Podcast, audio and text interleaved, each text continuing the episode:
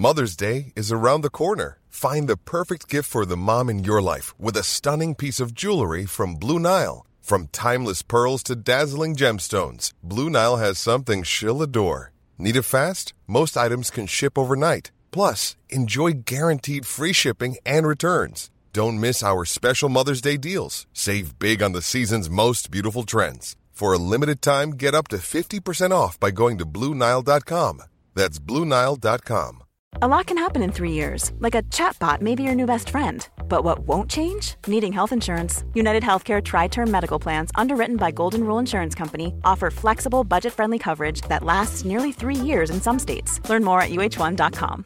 Hey, I'm Ryan Reynolds. At Mint Mobile, we like to do the opposite of what Big Wireless does. They charge you a lot, we charge you a little. So naturally, when they announced they'd be raising their prices due to inflation, we decided to deflate our prices due to not hating you.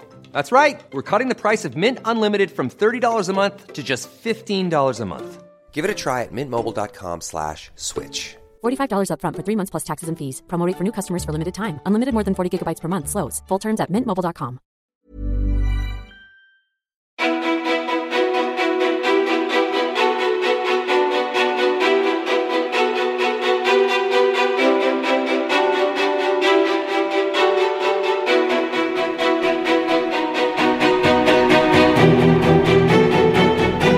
Claes Eriksson är älskad för sin karaktär Leif i succéserien Leif och Billy på SVT.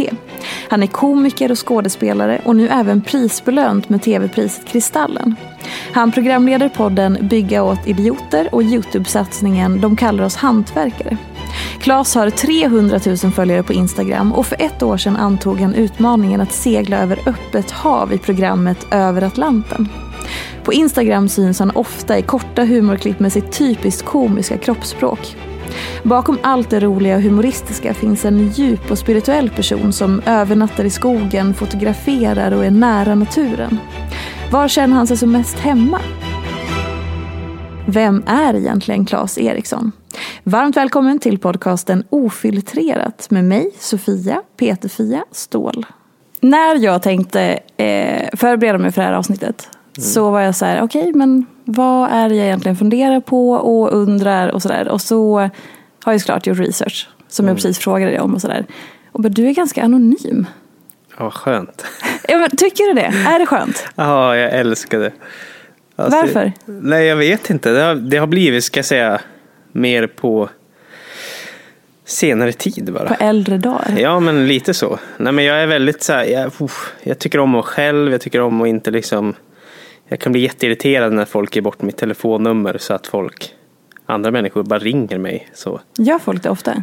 Ja, men det händer. Att, och säger vad då? Ja, men det kan vara allt från något samarbete eller till någon intervju. Bara mm. ställa några frågor. Och då blir jag alltid så här, men vart har ni fått numret ifrån? För att jag, jag vill vara anonym. Jag tycker det är För uh, vad är det som ger dig liksom uh, det här att, an att anonymiteten ändå är tilltalande med tanke på också att ditt, ditt jobb kräver en viss typ av igenkänning eller kändisskap eller eh, mm. vad man nu vill kalla det för. Ja, men jag tror väl också att i och med att man kanske har blivit en offentlig person, det, kanske, det var inte med i beräkningarna, så, så har man väl också blivit varse om vad integritet är och att det är viktigt att dra gränser. Mm.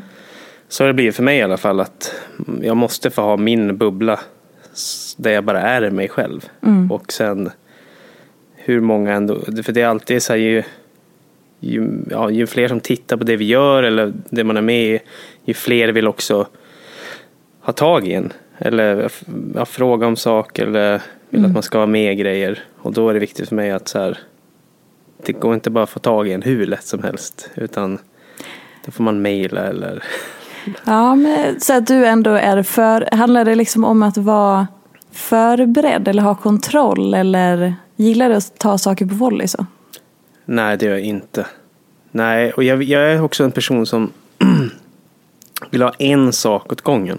Mm. Ofta. Jag vill inte ha fem bollar i luften eller ens tre bollar i luften samtidigt. Menar du då jobbprojekt eller ja, liksom jobb... vardagsgrejer? Alltså både och. Alltså det, det kombinerat. Jag tänker att jag har en viss del av mig själv som jag kan ge av varje dag. Ja. Och om jag har för många bollar så blir det allting blir lite halvbra bara. Det låter ju otroligt sunt. Och Ja. svårt i den här världen. Där allting är typ så här, man ska göra allt på en gång och Ja. det är så mycket att göra och det är coolt att typ göra tusen saker samtidigt. Ja, det är ju det. Och det är många som gör det. Mm. Och jag begriper inte hur de mäktar med det.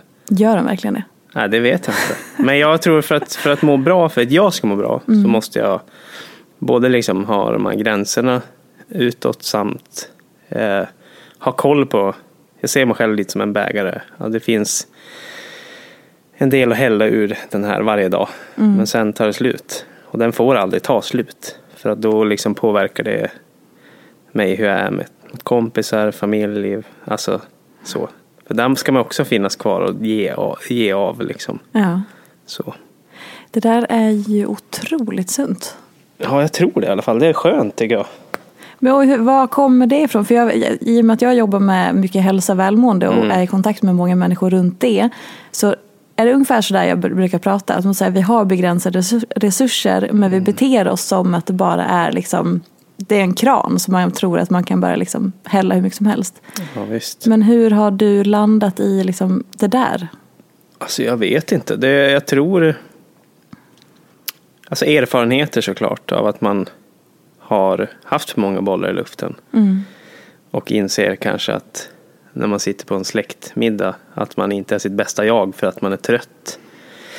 Eller man umgås med någon man tycker om med och inser att man riktigt inte är där eller eh, ja så. Och sen tror jag också att erfarenhet och att jag mediterar väldigt mycket så blir jag väldigt varse om vart jag är någonstans. Hur mycket har jag sovit? Hur mycket jobbar jag nu? Hur mycket tränar jag kontra ja, men allting. Så det, blir lätt- det blir lättare för mig att hålla koll på vad jag gör. Så. Fan, Låter det bra. klokt? Eller låter det, förstår du vad jag menar? Ja, men när hade du för många bollar i luften då?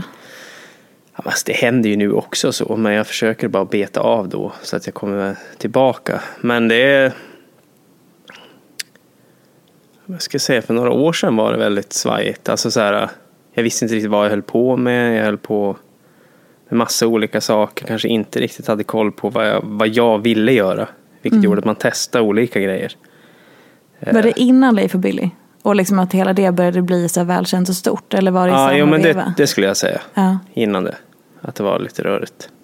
Och det kan det vara ibland igen, alltså nu också. Men jag tycker jag har en bättre, liksom, jag har bättre koll på det och kan ta mig tillbaka igen. Mm. Så. En fråga, jag cyklade hit och då precis framför mig vid ett eh, rödljus så stannade två personer som var bekanta med varandra. Och de eh, såg varandra och så bara, var det som att båda bara Åh nej, helvete. Och så bara hej! Du vet, man sätter på den här fasaden för att man måste småprata. Ja. Hur mycket hatar du småprat? Ja, men, jag, jag har faktiskt inte så mycket emot det. Har du inte det? Är du en Nej. sån social, här, härlig person så bara ja, nu. Ja, men, nu, det kommer alltid tillbaka till den här jävla bägaren igen. Då. Men, men jag gillar ju att vara social. Och jag får ju... Jag behöver vara det också. Och eh, kan verkligen småprata om det inte blir för mycket. Alltså det handlar om balans allting. Är, när jag är, på någon, är någonstans där det är mycket folk, man ska vara under lång tid. Då blir jag helt knäckt av stå och prata om väder och vind. Eh, Det här är roligt, det här, du var så kul i det. När man får höra det hundra gånger, på en, eh, liksom, då blir jag trött på det. Men annars tycker jag det kan vara trevligt. Så om du, om du träffar någon vid ett övergångsställe då, blir du, då är din första känsla att så här, åh vad kul, här, det, här, det beror såklart på vilken person det är. Ja, Men- ja, oftast tror jag det. Det var så roligt för det var som att de där två var så här, en hade, skulle ha skickat ett mail till någon som den andra väntade på. Så det blev Ja. lite obekväm stämning också. Det var nästan så att den ena bara, jag ska ta upp och mejla dig nu på en gång här för att vi fick så dåligt samvete. Ja, jag fattar exakt vad du menar. Ja, men det händer Det ju var- såklart. Absolut. Okej, men eh, så här, vad är det mest otippade med dig? Tror du? Om man inte känner dig som person utan att man så Mm. här, har dig i kanske din offentliga person eller eh, det man ser. Och så här, vad är det man Mm. kanske inte skulle gissa? Oj. Alltså om, ja det, det kanske har att göra med att, att jag är en spirituell person. Jag vet inte, jag tycker jag pratar om det ganska ofta men eh, jag vet inte om gemene man vet om det. Ja men okej, men spirituell, Ja, det har jag ändå fått med mig från, snappat upp det på olika ställen. Men Mm. hur ser det ut för dig? Vad innebär det för dig? oj, alltså jag är så dålig på att svara på det. Det är så... Jag vet knappt själv Nej. vad det är. Men jag hade någon typ av, vad man nu säger, andligt uppvaknande eller någonting för några år sedan. Och sen har det bara varit så. Alltså jag mediterar. Jag åker till skogen och bara är. Så, så jag vet inte riktigt vad det är. Men det handlar väl, någonstans ser jag lite som att jag har en yttre resa som jag håller på med. Med liksom min karriär och det jag vill göra där. Och sen finns det en inre resa som är också lika spännande för mig. Som handlar mer om vem är jag? Varför gör jag så här? Hur fungerar det här? Att liksom eh, ta reda på det. Och det känns som en livslång resa men jag tycker den är väldigt spännande och det gör mig ja, att varje dag blir ganska det är härligt att vakna upp. För man vet aldrig vad man, Ja. man kan förvänta sig. Även om det inte händer någonting på det här yttre planet då så kan det hända massa på det inre. Eh, Vad är skillnaden från innan du fick det här uppvaknandet? Alltså i hur du såg på världen eller dig själv eller livet? Alltså allt. Allt. Allt är skillnad. Det är som att jag idag ser livet med färgglasögon. Ja. Och det insåg jag att det gjorde jag inte innan. Lite så. Eh, Hur, berätta mer. Ja, men jag vet inte vad det handlar Alltså för mig var det att jag, jag mådde ganska dåligt skulle jag säga. För ja, men fyra år sedan. Eh, och det hade att göra med att jag liksom eh, Någonstans så här, var, låg mina värderingar i yttre saker. Alltså prylar, pengar, eh, karriär eller lägenhet. Ja men allt det här. Och jag jagade det insåg jag. Och när jag hade allt jag hade bett om, liksom sen tre år innan, så blev jag lite så här, men varför är inte det det här hålet i magen, varför kommer det igen? Jag kunde liksom se här nu, du har ju allt det här jävla skiten, det här bad du om. Varför är jag inte lycklig? Och då började jag se hur jag liksom, jag började så här, hålla på med, mm, så här, dricka lite för mycket. Äta alldeles för ute för ofta. Alltså så att jag började fucka upp belöningssystemet också lite grann. Att återigen där, jag kom hem till min familj. Och pappa bjöd på liksom en jävla köttbit. Och jag tyckte så här, men vad fan, jag äter fem sådana där bättre köttbitar under veckan som har varit. Och jag var inte närvarande med min familj eller med mina vänner för jag var någon annanstans. Och då åkte jag på ett så här meditationsretreat. Bara bestämde mig för att jag ska testa det. Och det hände någonting där. Alltså utan att gå in på detaljer så det bara hände någonting. Det var att jag kunde se mig själv utifrån på ett sätt. Alltså jag kunde verkligen se det här är mitt ego det här är jag. Och eh, ja, jag har jag, tyck, alltså jag grät och var liksom, för att jag såg vad jag har gjort mot mig själv. Hur taskig jag var mot mig själv.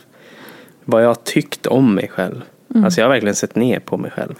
Och tyckte att jag är helt värdelös. Och det där blev tyst. Helt plötsligt. Från då den stunden? Ja. Eller var det en process som du behövde jobba Nej, med? alltså från den stunden så var det verkligen en, det bara blev helt tyst. Och jag kunde, det är då jag kände som att jag kunde ta på mig de här färgglasögonen för första gången. Alltså jag kunde helt plötsligt se hur naturen och vi, vi, jag hängde ihop och eh, jag kände kärlek, om jag säger så, jag kände kärlek för första gången på sen jag var barn. Och det var nog, handlade mycket om en kärlek till mig själv. Som eh, inte hade varit där riktigt innan. Eller som alltid har varit där men jag har inte varit i kontakt med den. Och helt plötsligt så började jag se det fina i livet tyckte jag. Och så har det bara fått fortsätta. Alltså jag har blivit hooked på det där. Är det svårt att fortsätta? Finns det liksom stunder där du är på väg tillbaka i något mönster eller mm, som tappar kontakten med det här? Ja men alltså det finns ju stunder där man tappar eh, såklart kontakt. Det kan vara att man åker hem till sina föräldrar och så då kommer gamla mönster upp. Blir man ba- sura tonåringen? Ja, man blir 15 år igen. Ja. Men det, nu ser jag det istället för att jag är det. Utan det blir liksom okej, det, det går att, observera det men sen stanna kvar i sig själv. Enklare och så. Men sen de här absolut mest destruktiva beteendena som jag hade förr är väl inte där eh, på samma sätt. Skulle jag säga. Alltså, eh, det finns ju något i det här med att du är en man som pratar om de här sakerna. Jag tänker att det är viktigt för de unga pojkarna och männen att ha liksom förebilder i eh, till exempel dig eller andra män som är liksom i kontakt med de här sakerna. Alltså i sig själva eller i känslor och i hela den biten. S- Hur ser du på liksom den biten? Hade du sådana manliga förebilder när du växte upp till exempel? Nej, alltså. Nej, det är inte, inte i det offentliga hade jag inte det. Nära dig då? Alltså min farsa har ju alltid varit en förebild men han, han har också haft sitt att kämpa med. Och det ser man i- idag. Alltså det, man måste själv växa upp någonstans. Jag kan inte förlita mig på min farsa och mina systrar hela livet. Eller att någon annan ska komma och liksom göra jobbet åt mig. Utan för mig handlar det också om att bli just vuxen för sin egen skull. Alltså det, jag får bli min egen förebild. Så har det lite blivit för mig. Att eh, jag är den jag umgås mest med. Och då kan man väl ändå försöka ha en ganska härlig dialog med sig själv. Det kan bli så jävla tråkigt annars. Ja, det är hemskt. Så Alltså det, jag, det, jag tycker verkligen det. Men för att svara på din fråga så jag vet inte, inte vad jag kan komma på att jag haft någon förebild så. Mer än min pappa då. Vad har du för relation till så här mansnormen då? Eller så här machokulturen? Eller så här, hur en man, äh, inte hur en man ska vara, men du vet alla de där bitarna som är ganska stereotypiska. Alltså gud. Jag har, aldrig gillat så här macho. Det har jag aldrig tyckt om. Alltså Nej. skryta om att man har legat med folk eller du vet. Det har aldrig varit bekväm i de rummen. Nej. Tyvärr. Hur är det i ett stängt rum där det bara är en massa snubbar? Jag kommer ju tyvärr aldrig få uppleva det, men Nej. hur är det? Skulle du säga, du är bara en person, men ändå så här, en inblick i, i dina stängda mansrum. Ja, men jag tror alltså, jag har ju själv inte, alltså jag själv eh, har aldrig gillat det här eh, Nej. skrika, gapiga liksom. Den biten är inte jag eh, i kontakt med så, så jag har inte själv upplevt det på samma sätt. För jag tror att jag har, mina kompisar som jag umgås med är inte heller så. Nej. Så att jag vet inte, jag har inte riktigt stött på det. Alltså jag har ju spelat hockey och sånt men jag tyckte inte det var så då heller. Utan jag tyckte det var ganska trevligt. Alltså vi hade roligt och skoj och sen klart det var kanske grabbig stämning och så men det gjorde mig inte så mycket. Nej. Det var ganska roligt. Vad skulle du säga är den största liksom, eh, fördomen i... Eller vad är den största fördomen som, som människor har om dig? Tror du? Eller som du får höra? Men må- många tror nog att jag ska vara lite så här burdus och brysk tror jag. Att du är Leif? Ja, men lite så. Ja. Det, är många, det är många som närmar sig Alfred först för att liksom Aha. hälsa. Och man märker det på yngre att de är lite mer skraj för mig. Och det tror, jag- det tror jag har att göra med det att de, de kanske tror att jag är lite mer eh, eh, ja, brysk liksom. Men det är jag ju inte. Nej, alltså du ger absolut inte ett sånt intryck. Nej, det var bra. Vilken tur. Nej, det är väldigt lite Leif och eh, den karaktärs, de karaktärsdragen över den personen som sitter här. Ja. Eh, men i, alltså du är också uppvuxen norröver ju. Mm. Eh, vad, vad tog du med dig framför allt när du flyttade söderut? Alltså fy fan, allt. Ja. Alltså jag är sån, jag är sån jag kommer från Jokkmokk och Norrland om man vill säga så. Jag är sån jävla patriot. Alltså allt som kommer därifrån är jag så här, ja, ja. Ja. Jag tog med mig allt. Längtar du hem? Ja, gud ja. Många gånger. Kommer du flytta hem? Alltså det vet jag aldrig. Jag ska aldrig säga aldrig. Men det är ju det att det, mm, det är långt bort. Alltså det är en, över 100 mil härifrån. Och eh, kanske inte så här, så länge jag jobbar med det jag gör just nu så tror jag inte att jag kommer flytta hem. Nej. Men jag, min, min enda dröm jag har är att ha en stuga i skogen. Men jag tror inte den blir där uppe. Man vill Men- kanske kunna åka dit över en helg och känna att det inte är liksom enormt mycket restid. Ja, exakt. Men vad tar du mest med dig från, från hemifrån? Nej, men Om det vi är är... lite konkreta. Ja men om vi är lite konkreta. Nej men jag har ju alltid liksom, eller jag har insett att jag har en jäkla kärlek till liksom glesbygd. Och jag tycker den är ganska lik över hela, vart man än kommer ifrån. Men just den här äh, värmen och kärleken jag känner när jag åker hem till Jokkmokk. Alltså dörren står alltid öppen. Det spelar ingen roll om jag är borta i 10 år eller 30 år. Så är dörren öppen, tar en kopp kaffe, slår dig ner. Det är någonting som jag verkligen tar med mig. Och känner mig väldigt trygg i att jag är, jag är lite så själv. Att knacka någon på så var välkommen in. Och det är liksom inte så här, åh jag är inte så hispig av mig. Utan det, det är någonting med det där som jag, det skulle vara jobbigt att göra det här. Skulle det? Ja men alltså jag skulle inte vilja boka in så mycket träffar och möten här som jag gör när jag är hemma. Nej. Alltså där är det verkligen, ja, man åker runt och hälsar på, dricker kaffe, träffar folk. Här blir det ganska omständigt med kollektivtrafik, köer, andra sidan stan, där, där, där. Ja. Så är det. Vad tar du mer med dig? Eller vad längtar du efter liksom, om man kopplar det till hemifrån? Ja men sen är det i naturen. Alltså skogen, fjällen. Det är en natur som inte går och alltså man måste upp- uppleva det. Det kan jag sakna så otroligt mycket. Eh, det är liksom fem, tiotals mil innan man kommer till nästa samhälle. Och det hatade jag när jag var yngre. Alltså det här, jag ville bara till en storstad. Och nu vill jag tvärtom. nu vill jag hitta en stuga där ingen annan är. Ja. Lite så. Så det, det är också någonting jag tar med mig. Och sen tar jag med mig allt sånt här med Alltså jag älskar renkött, pitepalt, eh, liksom alla såna, såna grejer. Tycker jag också om. Och om man tar det tvärtom då? Vad är det som du verkligen uppskattar med att bo och leva här? Åh gud, det är också så mycket. Jag älskar att det finns så sjukt mycket god mat. Alltså, man är ganska anonym här. Eller har varit i alla fall. Det, det var därför jag flyttade hit. Det gick ju jättebra. Ja, det gick ju kanonbra. Men, eh, nej, men det, jag älskar Stockholm också. Alltså, det finns så extremt mycket fint här. Alltså, Det är en otroligt fin stad och det är mycket naturområden här omkring. Man kan gå till, det är mycket parker, man kan gå och bada liksom fem minuter från vart man än bor. Eh, ja, men jag älskar Stockholm också. Men det är just det här utbudet av saker och ting. Alltså, man kan gå på någon liten spelning eller gå ut och Ja. äta vilken mat man vill.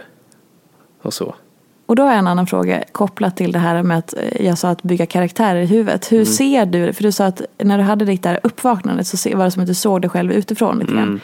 Men i vardagen, hur, hur ser det ut i din värld? Alltså, I skallen. ja, Alltså det, gud, det är, det är förvånansvärt tyst. är det det?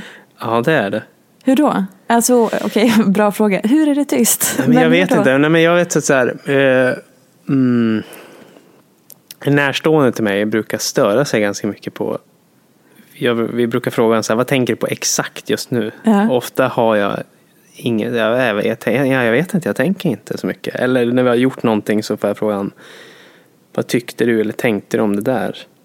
Ja. Och jag tänker inte så jävla mycket tror jag. Alltså jag tror det är ganska tyst. Jag håller inte på med så här köpslå med mig själv eller jag försöker inte liksom Ah, jag försöker inte vara så mycket uppe i huvudet. Gå med på feeling? Ja, men lite så. Ja. Så att eh, jag vet inte hur det är. Det är, det är skönt att vara i mitt huvud. Det är ganska tyst där numera. Och då, okej, då måste jag såklart fråga, hur var det innan? Oj, jättestökigt. På vilket sätt? Oj, fy fan. Ja, det är natt och dag. Alltså det var eh, ja, planering. Alltså planera. Allt ska planeras. Allt ska hållas koll på. Allt ska sättas etikett på. Är det bra eller dåligt? Vad tänker alla andra om mig? Eh, hur ser jag ut? Eh, har jag, vet jag vad jag håller på med? Eh, snart kommer alla avslöja mig att jag är en jävla sopa. Alltså konstant dialog om allt sånt. Ska jag säga. Eh, ja. Men ändå sjukt att det har liksom ändå, som du beskriver, från... Jag förstår att det kanske inte var liksom en sekund, men att det ändå gick ganska snabbt från det ena till det andra. Ja. Ja, nej men det, det gick väldigt snabbt. Sen har det ju inte alltid bara varit konstant så. Utan just då hände det väldigt snabbt. Och så fick jag en känsla för att okej, det går att ha det så här också. Och då blir det, tror jag, det är det som blir den här livslånga resan. Alltså att för det fanns också en tid när eh, efteråt, efter det här uppvaknandet, vad man nu ska kalla det, jag använder det ordet, men så kom det också en period när jag började känna, oj nu försvinner den här närvaron, eller vad man ska kalla det. Och då vill jag hitta tillbaka till den. Och då går jag upp i huvudet igen och liksom försöker läsa böcker, jag försöker förstå det med hjärnan. Just det. Och då drar jag mig bara ännu längre bort. Och då hade jag säkert ett år där jag liksom så här, okej, jag försökte liksom, jag måste meditera ännu mer. Det blir nästan min nya identitet, den spirituella. Och Eh, då blir, det en, så- då blir det en prestation i det också. ja, och en jakt igen. Nu har bara jakten bytt från eh, liksom lägenhet, pengar och en flickvän till att liksom hitta det där igen. Och då är man tillbaka. Alltså det är bara bytt skepnad. Det är samma sak. Det är uppe i huvudet igen. Och letar och adderar. Vad behöver jag addera mer av? Måste jag göra mindre av det här och mer av det här för att det här ska gå? Så att, eh, det, det var en period där det, det, det höll på också. Så ja, fick man lära sig att Vad var det som triggade det då? Som gjorde att du liksom först fick den här känslan och sen började tappa lite kontakten med det? Det tror jag har att göra med att man kommer hem, man ska bo i en storstad, man ska jobba, man ska bidra till samhället, man ska ha pengar och mat på bordet. Man ska, man ska fungera i en relation. Eh, Man ska vara en bra kompis. Alltså då, bör, då måste man vara med där också. Och då tror jag att det därav försvann det. Eller det försvinner inte, utan det är mer att jag går upp mitt huvud igen, ska jag säga. Det, det försvinner aldrig, men det är att jag tror att det försvinner och så vill jag addera någonting för att ta mig tillbaka dit. Och så tänker jag att idag ser jag lite så på livet. Det är balans. Det här är vad balans är. Balans är inte att man har en rak linje, utan balans är ibland är jag uppe i mitt huvud, för jag måste jobba en del. Ibland är jag i mitt hjärta eller min kropp och kan vara väldigt närvarande och sen kommer jag upp i huvudet igen och så närvarande. Det går lite så hela tiden, tror jag. Det finns någon slags uppfattning om att här, balans är typ ett, ett någonting man får. Och sen bara, ja, check på den, då har vi det då. Så, det var det avklarat. Och då är det ju så, här, det är ju så motsägelsefullt men ändå det man strävar efter. Så jag ska bara uppnå balans, sen, sen är det klart. Och bara försöka prestera fram det, vilket ju är eh, ganska svårt och omöjligt. Ja, jättesvårt. Men du sa att du också tänkte på så här, hur du såg ut och så. Vad har du för relation till liksom, utseende och yta och liksom, hela den biten? Ja, alltså det är... Jag tycker det är kul att handla kläder ibland. Eh, och eh, såklart så bryr jag ju mig om mitt yttre. Det gör jag ju, men det är inte... Det är mest för att det är kul bara. Det är inte så, så negativt som det var förut, utan idag är jag väldigt tacksam att jag kanske kan köpa de här skorna eller kläderna jag vill ha. Men jag köper dem inte för att de ska göra mig lyckligare eller för att de kommer ge mig någonting. Utan det är bara för skojs skull. Och jag har en ganska hälsosam relation till mitt utseende. Jag ser ut som jag gör. Och ja. är Men det var bra. inte så innan då? Det var, du, ja, då vad jagade du då i kopplat till, till utseendet i det? Mm.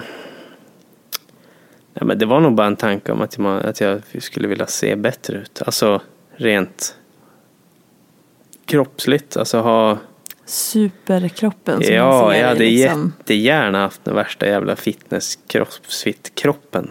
Men det var jobbigt. Torso. Ja, men för fan, det, gå på gymmet fyra gånger i veckan, fem gånger i veckan, det tyckte jag inte var så kul. Nej. Men jag drömde ändå om att ha den. Jag tänkte ändå att ja, men de som har den, de är i alla fall lyckliga. De mår ju bättre än vad jag gör. Vad tänker du om det nu då? Eh, Jag tror det är rent det är bra att träna. Men återigen, om du tror att det är det som kommer göra dig lycklig så Mm. visst, testa. Men jag tror du kommer köra fast där också. Jag tror verkligen det. Och jag, idag jag tränar mer än vad jag någonsin har gjort i hela mitt liv nu för tiden. Mm. Men det har att göra med ja, att jag mår bra av det. Jag sover bättre. Jag tycker jag har väldigt mycket tid och liksom träning passar bra in där. Att liksom stärka kroppen. Jag har haft ont i ryggen och knäna. Och det vill jag inte ha. Och då är träning jätte, jättebra. Det är fantastiskt. Men det är inte att liksom om tre månader så ska jag se ut som någon jävla grekisk gud. Nej. Nej. Men det är ändå lätt att fastna liksom i alla de här idealen och, och normerna som finns. Just också kring så här, utseende och sånt. Och man pratar ju ganska mycket om att ja, men så här, kvinnor som nu, det var väl, vad heter hon, Kendall Jenner som fick eh, väldigt mycket kritik för någon bild hon hade lagt ut. Så det pratar mycket om kvinnors liksom, skönhetsideal och sådär. Eh, inte så kanske lika mycket om männens skönhetsideal. Eller?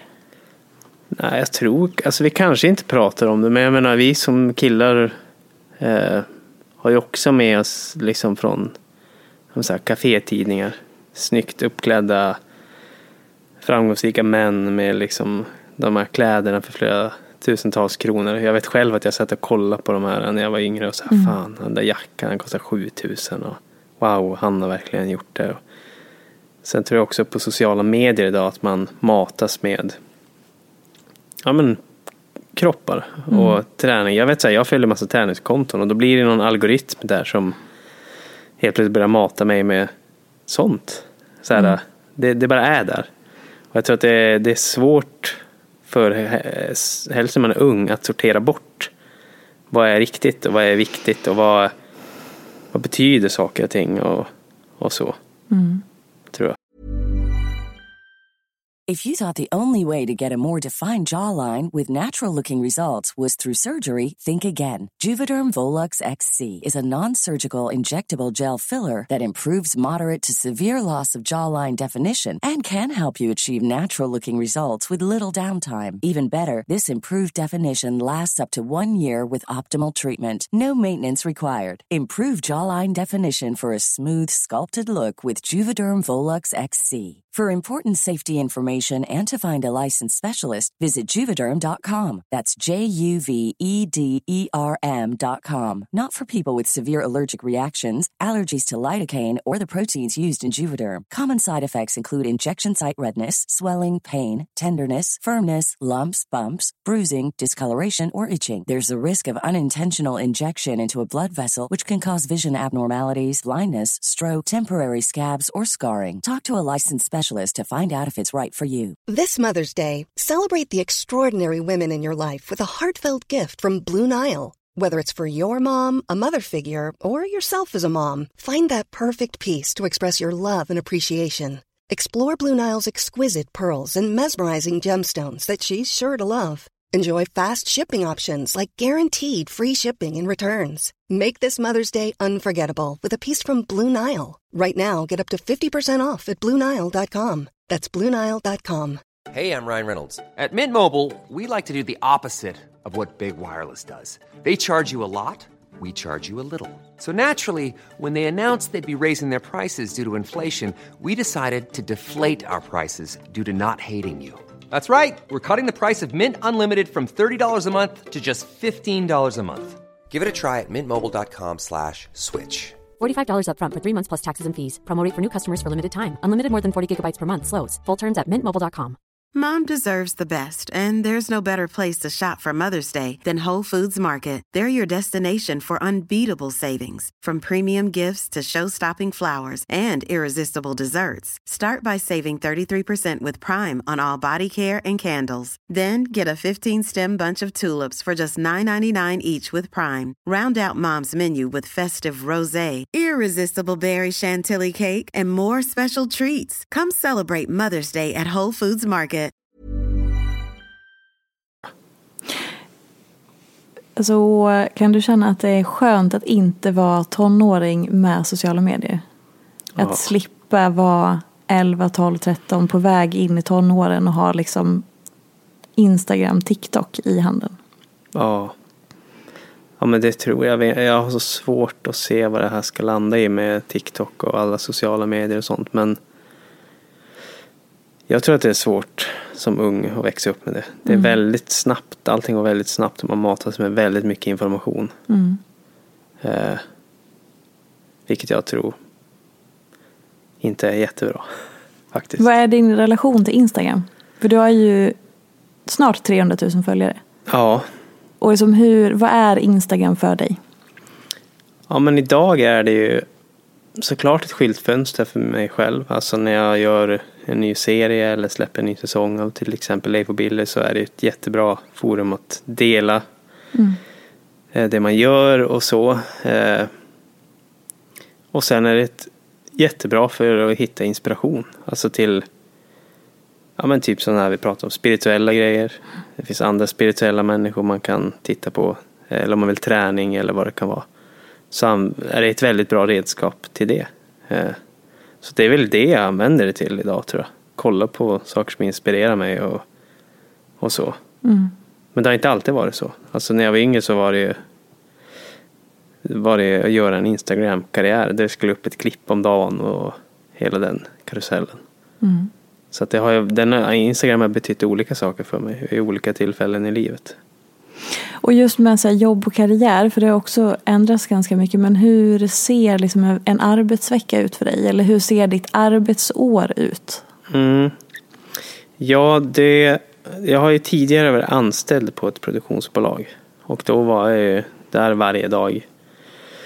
Men nu är jag ju frilansande och har startat eget eh, bolag. Så det är lite nytt för mig just nu hur det ser ut. Men det går ju liksom i att göra en tv-serie går ju ganska långa bågar. Eh, utan det först ska man planera upp det, sen ska den skrivas. Sen ska det vara förproduktion och sen ska man spela in den och skådespela. Och sen ska den efterbearbetas. Och du är med i alla steg hela vägen? Jag är med fram till efterbearbetningen skulle jag säga. Och där har jag inte jättemycket att göra. Men då är det ju, mm, som nu har jag varit i en manusperiod, då är det liksom ja, sitta och skriva. Eh, och då kliver jag upp ett vid sju, sätter mig, skriver till kanske tio, sen käkar jag lite frukost och skriver jag fram till lunch och så sen skriver jag en, en timme eller två efter lunch. Sen är det slut. Man, jag har lärt mig hur min kreativitet fungerar. Den, den funkar eh, fram till tre typ. Sen brukar det vara, behöva en paus. Och sen kan man fortsätta på kvällen om det är så. Men det är väl hur min närmsta tid har sett ut. Och nu är det en liten paus. Eh, och då håller jag på med lite annat som eh, hamnar på efterkälken. Vi var med i Mello här precis. Och eh, ja, men lite andra grejer som jag gör. Och sen väntar jag bara på att förproduktionen ska dra igång. Och då går jag in som ja, vad ska man säga, som regissör då. Och castar och vi bryter ner manus och kollar locations och sånt. Mm. Så det är väl, det är alla dagar är lite olika så. Och hur långt är det från att säga okej, ja nu ska vi dra igång en till säsong till att den faktiskt blir, ja inte på tv då, men liksom att den är färdig i efterbearbetning och allting? Ja du, det tar nästan ett halvår. Skulle jag säga. Ja, ungefär ett halvår. Och hur, hur liksom, får du loss den här kreativiteten? När du bara sitter och skriver då och plöjer i flera timmar varje dag och bara nu, nu ja det är bara att börja, kom igen nu, vad ska jag liksom hitta på här? Hur funkar din process i det? Ja, men min process, för att jag ska kunna sitta och skriva så måste jag ha gjort ett förarbete där jag vet vad jag ska göra. Alltså, jag vet att det är väldigt olika. En del säger att de, får inte ha, de vill inte ha något förarbete. De vill bara sätta sig och så får de se vad som händer. Och för mig är det lite tvärtom. Att jag vill verkligen att man sätter sig i ett gäng bollar eller idéer, skriver ner dem, så här, plottar upp dem. Det här ska göras. Och sen då när jag har, vet exakt vart jag är på väg, då kan jag sätta mig och eh, vara kreativ inom de ramarna. Så att säga. Just det. Så för mig krävs det tydlighet och framåtdriv och att veta så här, okej dit ska jag. Och sen inom de ramarna kan jag vara väldigt kreativ. Och sen älskar jag också det bästa förutom att spela in och skådespela skulle jag säga är just det här när man sitter och bollar. Alltså man bara kastar ur sig idéer. Det är det roligaste. av allt. Och om du fastnar i det där då? Vad har du Mm. för metoder? Börja säga, nej nu var det tyst, nu, nu får jag inte ur någonting. Ja, det, Och det håller på i tre dagar. ja men gud. Allt är skit. Ja, ja det händer ju. Alltså. Ja, men jag försöker. Oh, det är så svårt. Jag, vet- jag vet inte. Jag har inget bra så här, tips på hur man tar sig därifrån. Men det, mycket handlar ju då om att i min, min kreativitet så är det jag själv som ofta bygger upp ett motstånd kring det. Och det har ju ofta att göra med att jag kör fast när det finns en tidsram att hålla sig till. Att på torsdag då ska jag lämna in två avsnitt, liksom plottade avsnitt. Och så känner jag att oj, nu börjar det sticka iväg här.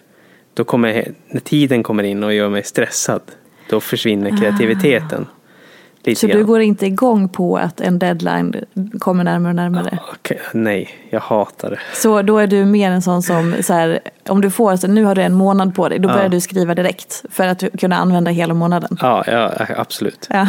Ja, ja, gud ja. Jag börjar inte sitta och göra något annat och, och typ väntar in i det sista, utan jag börjar direkt. Ja. Och jag vill inte ha... Jag vet, jag hade en projektledare som kom in med ett Excel-dokument på en timeline. Som var så här, här kan vi se hur vi... Jag sa, ta bort den.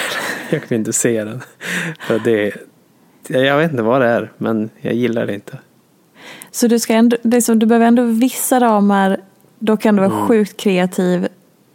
Men det får ändå inte vara liksom för styrt. För då dör det, det är en jävla Ja, balans ja på men det är ju det. Och jag tror också, jag menar jag har inte hållit på med det här så länge heller. Så jag lär mig ju hela tiden nytt och ser hur fungerar jag och hur fungerar det här med kreativitet. Vad funkar och inte? Så för mig är det ganska nytt. Eh, Så jag håller väl också på att utveckla de här verktygen. Men sen handlar det mycket om så här, ibland när man kör fast att så här, nej men okej. Sätt dig bara och gör det. Skriv bara. Kör du fast med, du kommer inte på med nya idéer, sätt dig och skriv bara. Så kanske det kommer något. Eller så läser man ett gammalt manus. Eller så, jag brukar ibland- läsa andras manus. Alltså ladda hem typ manus från en långfilm. Läs det. Hur skriver de? Vad har de för liksom metoder och lite teknik? Eh, kolla på serier. Eh, liksom ja, det finns massa sätt att, att knäcka det där. Men jag tror mycket handlar om att inte bli stressad och bygga upp den här pressen. För då tror jag det blir bara jobbigt. Men, och sen när man jobbar med humor, hur, Mm. Hur lång tid tog det för dig att skilja på, alltså du behöver inte alltid vara rolig i alla sammanhang? Mm. Eller finns det den förväntan för att man, att, dels från andra men kanske också från dig själv, eller? Ja, nej, men andra, det finns säkert andra som förväntar sig det. Men det tänker jag är deras ansvar. Ja. Lite så. Men jag har inte... Har du aldrig känt så? Jo, det har jag. Absolut. Och det var ju fruktansvärt jobbigt. Alltså, ja gud, både privat och liksom när man kommer på jobb. Att så här, jag förväntar folk sig att jag ska vara rolig nu. Alltså Här man, kommer roliga timmen Ja. automatiskt, varsågod, kör. Ja, och du vet. Eh, eh, men jag kan vara med om det idag också. Att man är på någon inspelning utan att säga något namn. Men att så här, men fan, kan inte du vara lite, ja, lite mer energisk som Leif typ? Mm. Nej, det kan jag Alltså jag är, det här är jag, du får det. Liksom that's it. Men vadå, om, du, om du ska vara dig själv i något sammanhang på en, på en inspelning och då vill de ha mer som din karaktär. Mm. Ja, det är ju intressant. Ja men det, och det händer. Ja. Och jag tänker, eh, när det hände sist så var det så här, mm, nej jag är så här, that's it. Och jag tänker inte vara något annat. Nej. Men hade, när jag var yngre, för kanske, eller yngre, bara för sex år sedan. Så hade jag nog tyckt det här var skitjobbigt. Och så hade jag gått backstage eller på toan och funderat så här, okej, uh, nu får jag oj vad ska jag säga här nu eller hur är jag rolig och vad ska jag göra? Eh, lite så. Men jag tänker idag så skiljer jag så mycket på vad, min, vad det jag gör är och vem jag är. Det är helt olika saker. Eh, vilket jag inte gjorde på samma sätt för. Då var jag det jag gjorde och, och si och så. Men så är det inte idag. Alltså, det där är ju någonting som väldigt många kämpar med. Att, här, just att eh, man är väldigt så här, prestationsbaserad i att, hur man så här, värderar sig själv och sätter Mm. si- sitt värde och så. Och finns det någonting som du bara kan mm, dela med dig av eller som om någon, om man känner igen sig i det du beskriver från förut i så, men vad har du något tips eller någonting som man kan så här, ta till sig av, alltså om man känner igen det, vad kan man göra? Ja, Skulle du säga?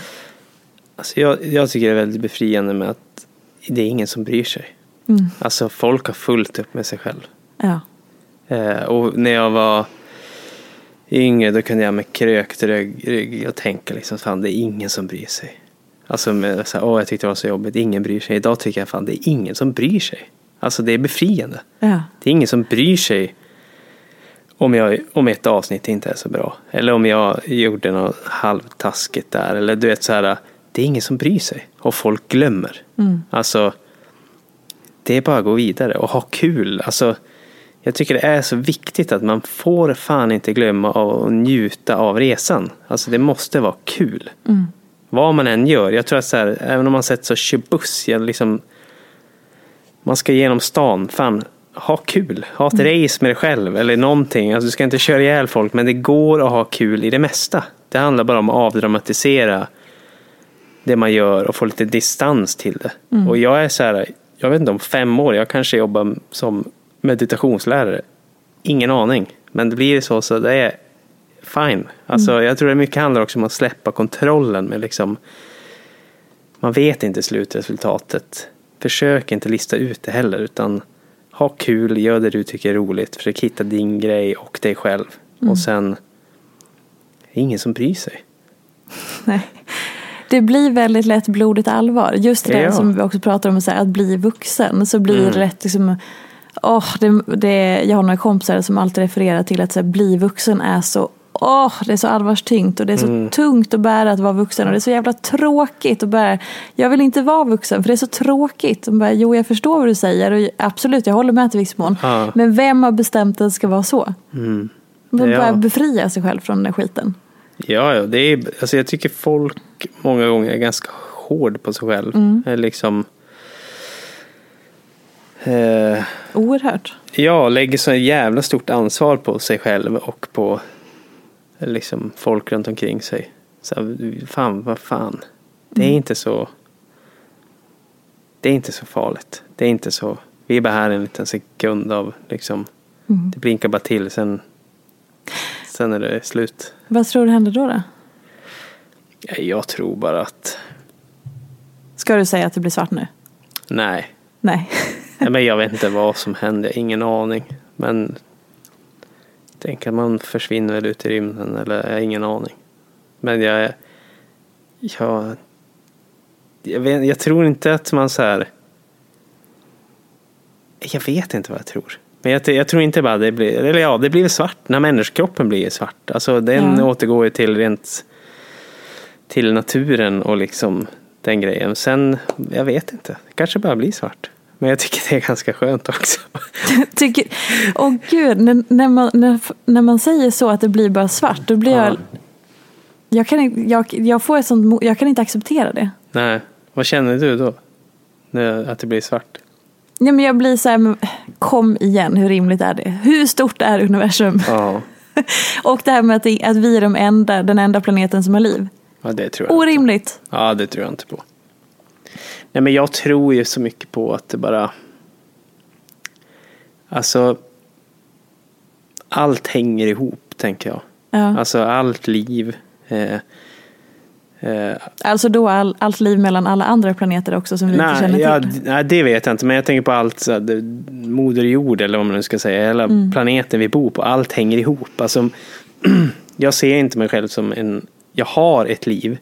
Utan jag är ett liv. Alltså jag är liv. Mm. Eh, och tänk dig vad många år av evolution och eh, liksom cykler av tid som har gått för att jag ska få ha den här upplevelsen. Att sitta här med dig, prata med de här stämbanden, känna det jag känner, se solen här utanför. Det är en ynnest som jag är så tacksam för. Men jag tror också att det sättet att se på det så känner jag mig så lugn och trygg att så här, men allt hänger bara ihop. Alltså jag kanske försvinner, min hjärna och min liksom den här upplevelsen försvinner. Men det lever kvar på något vis i det andra som finns här. Kan man översätta det som att man förstår att man är jävligt liten i det stora hela och det är ganska befriande? Ja, Ja. man är minimalisk. Alltså det är så, man är så liten så det finns inte. Är inte liksom en av livets största fiender, apropå att ta sig själv på för stort allvar, men också liksom att man tar hela livet på för stort allvar. Så att det blir den här, alltså att man, man, man blir liksom tyngd av hela grejen. Så att man glömmer att vara i det, som du pratar om. För då är det som att man hela tiden också är på väg bort ifrån sig själv. Ja, men jag tror att det är jakten hela tiden. Alltså det, det är också så lätt för mig att sitta och säga det här nu. Alltså, ja, det är, sluta jaga saker och ting, liksom försök leva här och nu. Medan jag själv, det var inte lika lätt att säga det när jag faktiskt behövde pengar till hyra eller jag behövde en bostad. För man- det är inte alla som har det så privilegierat som mig. Att liksom, jag har det gott ställt och jag har eh, ett jättebra liv så. Och då är det kanske lättare för mig att sitta och luta mig tillbaka och säga att ja men sluta jag grejerna för jag behöver kanske inte fundera på när får jag mat på bordet. Så att det finns faktiskt den delen också där man har basala liksom, saker som måste finnas för att man ska kunna känna sig trygg överhuvudtaget. Eh, och det får man heller inte glömma att det är inte bara lätt heller att vara människa. Det är väldigt många som har det svårt också. Tror jag. Gud ja, perspektiv. Ja, Tycker du att eh, det förs nyanserade resonemang i sociala medier? Apropå perspektiv. Alltså nej, det skulle jag väl inte säga. Alltså jag är inte, jag, jag är inte så bra koll på vad som sägs och skrivs heller. Men jag tycker ofta så här både från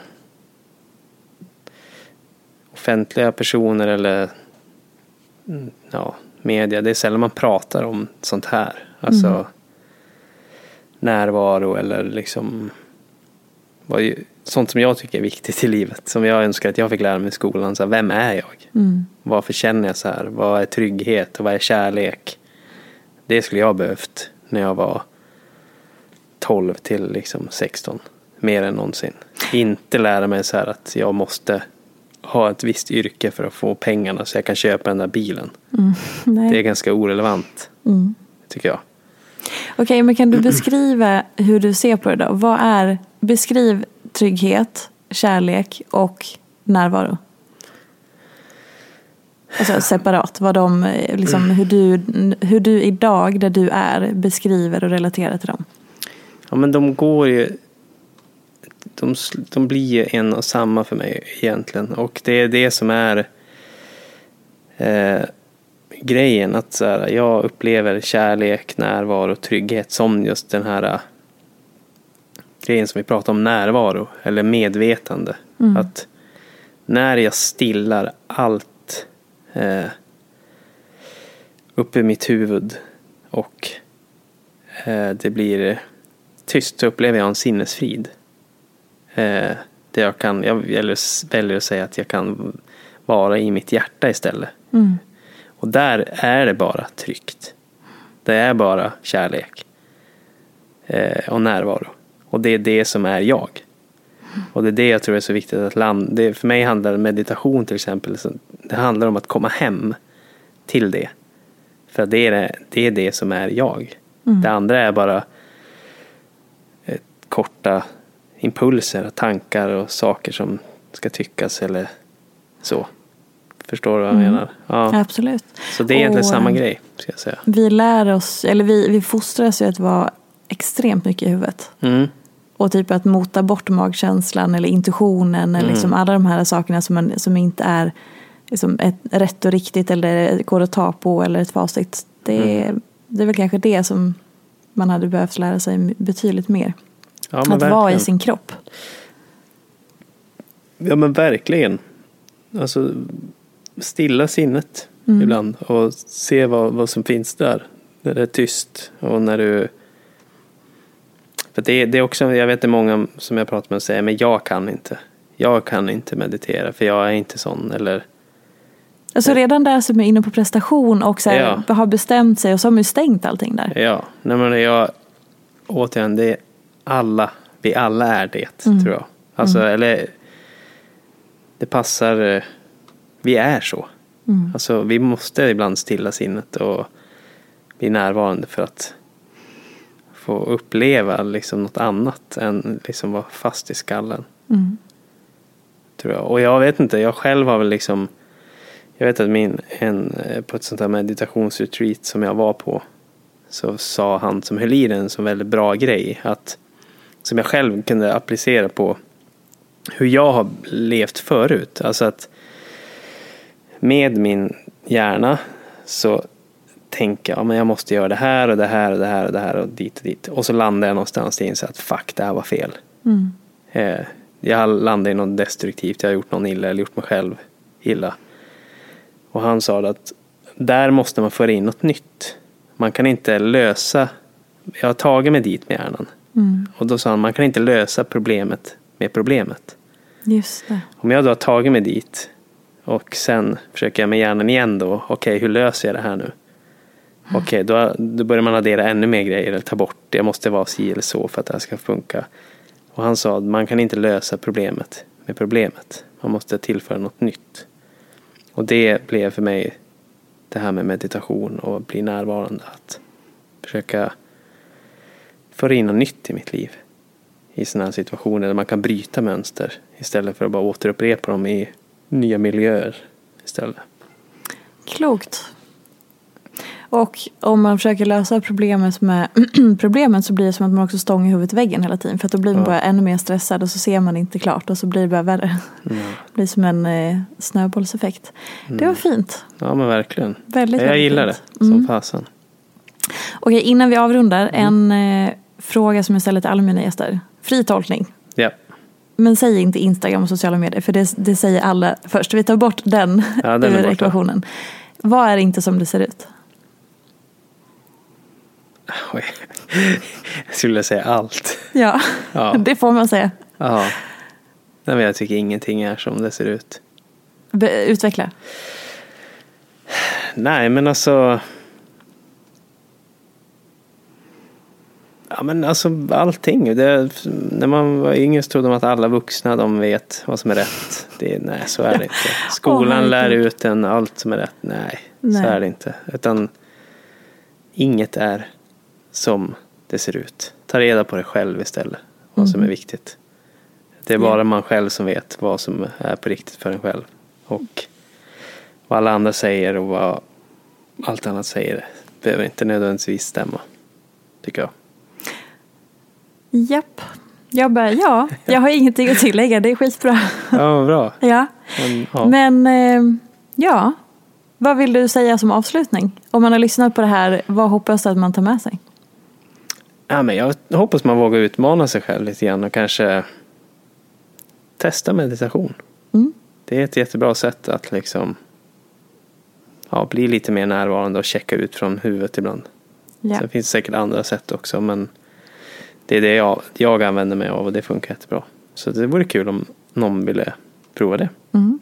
Och man kan följa dig i sociala medier på två ställen ju. Det kanske man inte vet. Du har ju just ditt, vill du berätta om ditt andra konto? Ja just det, jag har ett, jag har ett konto som heter Klaus Gorans. Ja. Ja, det har jag. Och där lägger jag väl ut, tanken var att jag skulle fotografera där och lägga ut grejer. Men det har blivit lite att jag lägger ut lite mer privata saker kanske. Mm. Det är ut skogen eller ja, typ meditera eller bada kallt. Så Där får kan man ju se den här sidan av dig som vi har pratat om nu ganska mycket. Ja, På ett annat sätt. ja, det får man. Lite mer faktiskt. På den andra så är det mer eh, boxbollen i bara överkropp och ett roligt kroppsspråk. Ja, exakt. Och Leif och Billy. Massa Leif och Billy. Exakt, framförallt det. Mm. Ja. När kommer nästa nya säsong?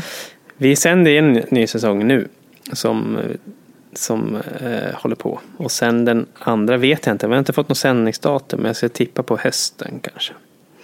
Mm. Vad tror du att du kommer göra efter Leif och Billy? När, om det är så att det är dags för den att gå i graven. Mm. Eller du känner sig nu är jag färdig med det här. Vad tror du kommer efter? Ja, men jag vill göra innan Leif och Billy går i graven så vill vi göra liveshow med Leif och Billy. Åka Fan runt. vad roligt. Jättekul. Och träffa folk Ja. eh, som som inte, som inte, så de inte bara är siffror i någon jävla tv-tablå utan att man faktiskt åker ut och träffar folk och får ha lite live-reaktioner på det man gör. Mm.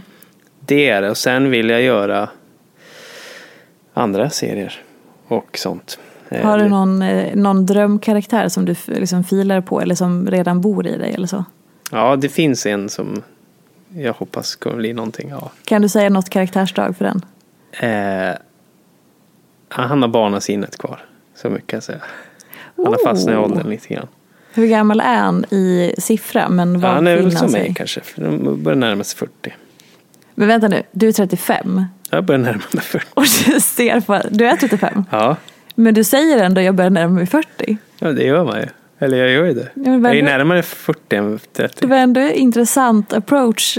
35, alltså, du hade också kunnat sagt jag är 35 punkt för att du har Ja. inte riktigt gått över den där, Jag börjar förbereda mig mentalt. Ja. 40-årskris. det är inne i, i gubbrocken nu nästan. Ja, ja, visst. Ja men det är bra. Mm. Okej, så han är alltså 35, närmar sig 40 Mm. och befinner sig någonstans i mental Ja, mental ålder 15 kanske. underbart. Ja. Det ser vi fram emot. Är det också Ja. en SVT-produktion tror du? Det får vi se. Mhm. Det vet jag inte. Men jag, ja, men jag vill göra mer drama och humor och lära mig allt möjligt. Så länge jag tycker det är kul. Så det, vi får se vad det blir. Spännande. Mm. Tack så jättemycket för att du ville komma hit. Det Tack. var väldigt, väldigt intressant. Ja, vad härligt. Tack för att jag fick komma. Tack Hoppas det inte blev för flummigt att folk... Ja, men det är väl underbart, det är väl det enda man vill ha nu för tiden. Ja, vad härligt. Ja, Ja. det är bra. Tack för att du bjöd på alla de här insikterna och eh, den här sidan. Tack. Hej då! Och ni får jättegärna lämna recensioner av podden, ni får jättegärna prenumerera på podden och berätta vilka ni vill ska gästa. För att hela podden bygger ju faktiskt på att jag har intressanta människor som gästar så att vi kan få de här ofiltrerade samtalen. Så jag tar tacksamt emot er, alla era önskemål. En podd från Allermedia. Flexibility is great. That's why there's yoga. Flexibility for your insurance coverage is great too. That's why there's United Healthcare Insurance Plans. Underwritten by Golden Rule Insurance Company, United Healthcare Insurance Plans offer flexible, budget friendly coverage for medical, vision, dental, and more. One of these plans may be right for you if you're, say, between jobs, coming off your parents' plan, turning a side hustle into a full hustle, or even missed open enrollment. Want more flexibility? Find out more about United Healthcare Insurance Plans at uh1.com. Mom deserves the best, and there's no better place to shop for Mother's Day than Whole Foods Market. They're your destination for unbeatable savings, from premium gifts to show-stopping flowers and irresistible desserts. Start by saving 33% with Prime on all body care and candles. Then get a 15-stem bunch of tulips for just $9.99 each with Prime. Round out Mom's menu with festive rosé, irresistible berry chantilly cake, and more special treats. Come celebrate Mother's Day at Whole Foods Market.